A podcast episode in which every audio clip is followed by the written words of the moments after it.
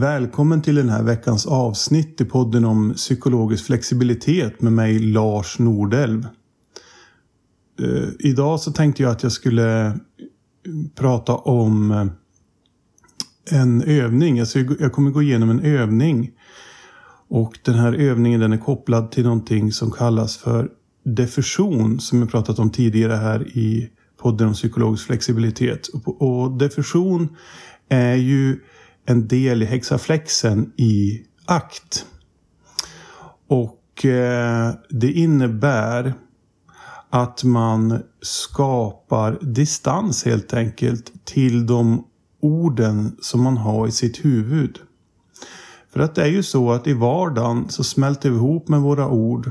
Och våra ord, när vi smälter ihop med dem utan att tänka på dem, styr ju våra handlingar.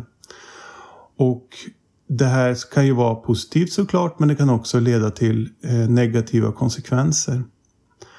Och de här känslorna som är kopplade till orden kan ju också skapa mycket psykologiskt lidande för oss. Och i akt, där pratar man inte så mycket om innehållet av tankar, huruvida de är sanna eller inte, utan man, man tittar ju på om de är hjälpsamma eller inte. Alltså, är det någonting som hjälper mig framåt i livet och få det livet jag vill ha? Och är det inte det, så kan man jobba med att inte fastna i dem. Och ett sätt är att använda sig av diffusionstekniker. Då. Och idag så tänker jag gå igenom en, en teknik där man upprepar tanken om och om igen. Och den kommer vara lite krävande den här övningen. För vi ska upprepa samma tanke, eller i det här fallet ett ord, i 90 sekunder. Så det gäller att du verkligen är med på tåget här och orka hålla ut och repetera i 90 sekunder för att uppleva hur eh, effekten kan bli av en sån här tanke. Och det första som jag vill att du ska göra det är att du ska föreställa dig att du tar en citron och så skalar du den citronen på mitten. Och så sen så har du därefter en klyfta i din hand. Tänk dig att du har en citronklyfta i din hand. Det jag vill att du gör nu med den här citronen. Det är att jag eh, vill att du fantiserar att du tar ett stort bett på den här citronen. Och känner hur den här sura smaken av citronen sprider sig i din gom. Och du känner att det drar, kanske. Föreställ dig det. Det vi nu ska göra under 90 sekunder. Det är att vi ska upprepa ordet citron. Och det här kommer ju vara lite krävande som jag sagt. Men eh, håll ut och ge det en chans. Så kan vi prata sen om hur det blev.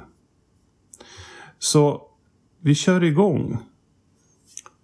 Citron, citron, citron, citron, citron, citron, citron, citron, citron, citron, citron, citron, citron, citron, citron, citron, citron, citron, citron, citron. Det är jättebra. Fortsätt. Citron, citron, citron, citron, citron, citron, citron, citron, citron, citron, citron, citron, citron, citron, citron. Och fortsätt. Citron, citron, citron, citron, citron, citron, citron, citron, citron, citron, citron, citron, citron, citron, citron, citron, citron. Jättebra. Fortsätt. Lite till. Citron, citron, citron, citron, citron, citron, citron, citron, citron, citron, citron, citron, citron, citron, citron, citron, citron, citron. Jätte, jättebra. Vi fortsätter lite till.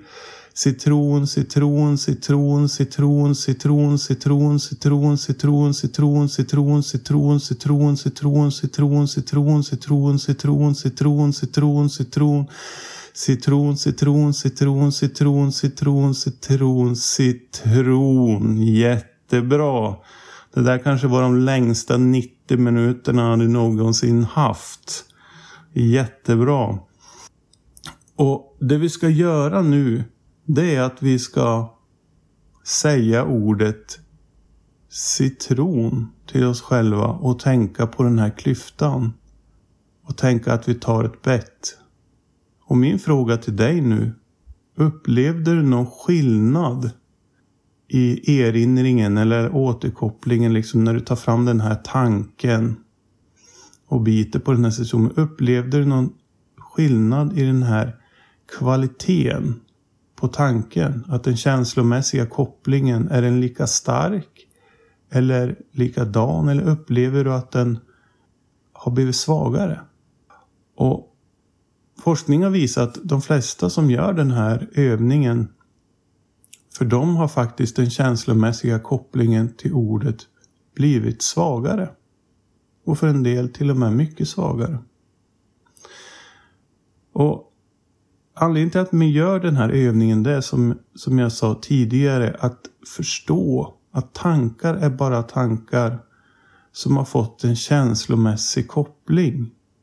Och den här kopplingen den kan också försvagas eller förstärkas. Men det är fortfarande bara en tanke. En symbol i vårt huvud. Och genom att vi hittar ett förhållningssätt att möta våra tankar med distans. Att kunna betrakta dem istället för att reagera på dem. Så förlorar de sin betydelse och intensitet över tid. Och det man kan uppleva när man gör en sån här övning det är ju till slut att det bara blir ett blarr. Det blir ju bara Man kan känna sig lite trött och förvirrad när man gör den här också. Och ordet börjar låta konstigt. Och det är fullt normalt. Men hur kan vi använda oss av det här i vardagen? Jag tänkte att du har ett ord som har en stark känslomässig koppling inom dig. Det kan vara en tanke till exempel att jag är ful. Vad händer med den tanken om du upprepar den om och om igen, om och om igen? Jag tror det kommer bli samma sak. Den känslomässiga kopplingen kommer börja avta. Och du kommer kanske uppleva att men det här är bara ord. Det här är en tanke. Tanken jag är ful snarare än att jag är ful. Du börjar kunna skapa den du kan börja kunna se den skillnaden. Så min um, det jag vill säga till dig den här veckan det är att du kan jobba med de här tankarna, jobbiga tankarna som du har. Med den här övningen. Och nå framgång. Och det beror på att de tankar som vi har i vårt huvud, det är bara ord eller fraser. Och de här orden eller fraserna, de kan skapa lidande för oss. Men de behöver inte säga någonting om oss. De behöver inte definiera oss. Det är bara ord eller fraser. Och du kan med hjälp av defusionsövningar bland annat som vi pratar om nu minska den här känslomässiga kopplingen till. Så. Det var det som jag hade den här veckan. Pröva i vardagen och använda den här tekniken och så skriv gärna till mig hur du upplever att den här tekniken fungerar för dig.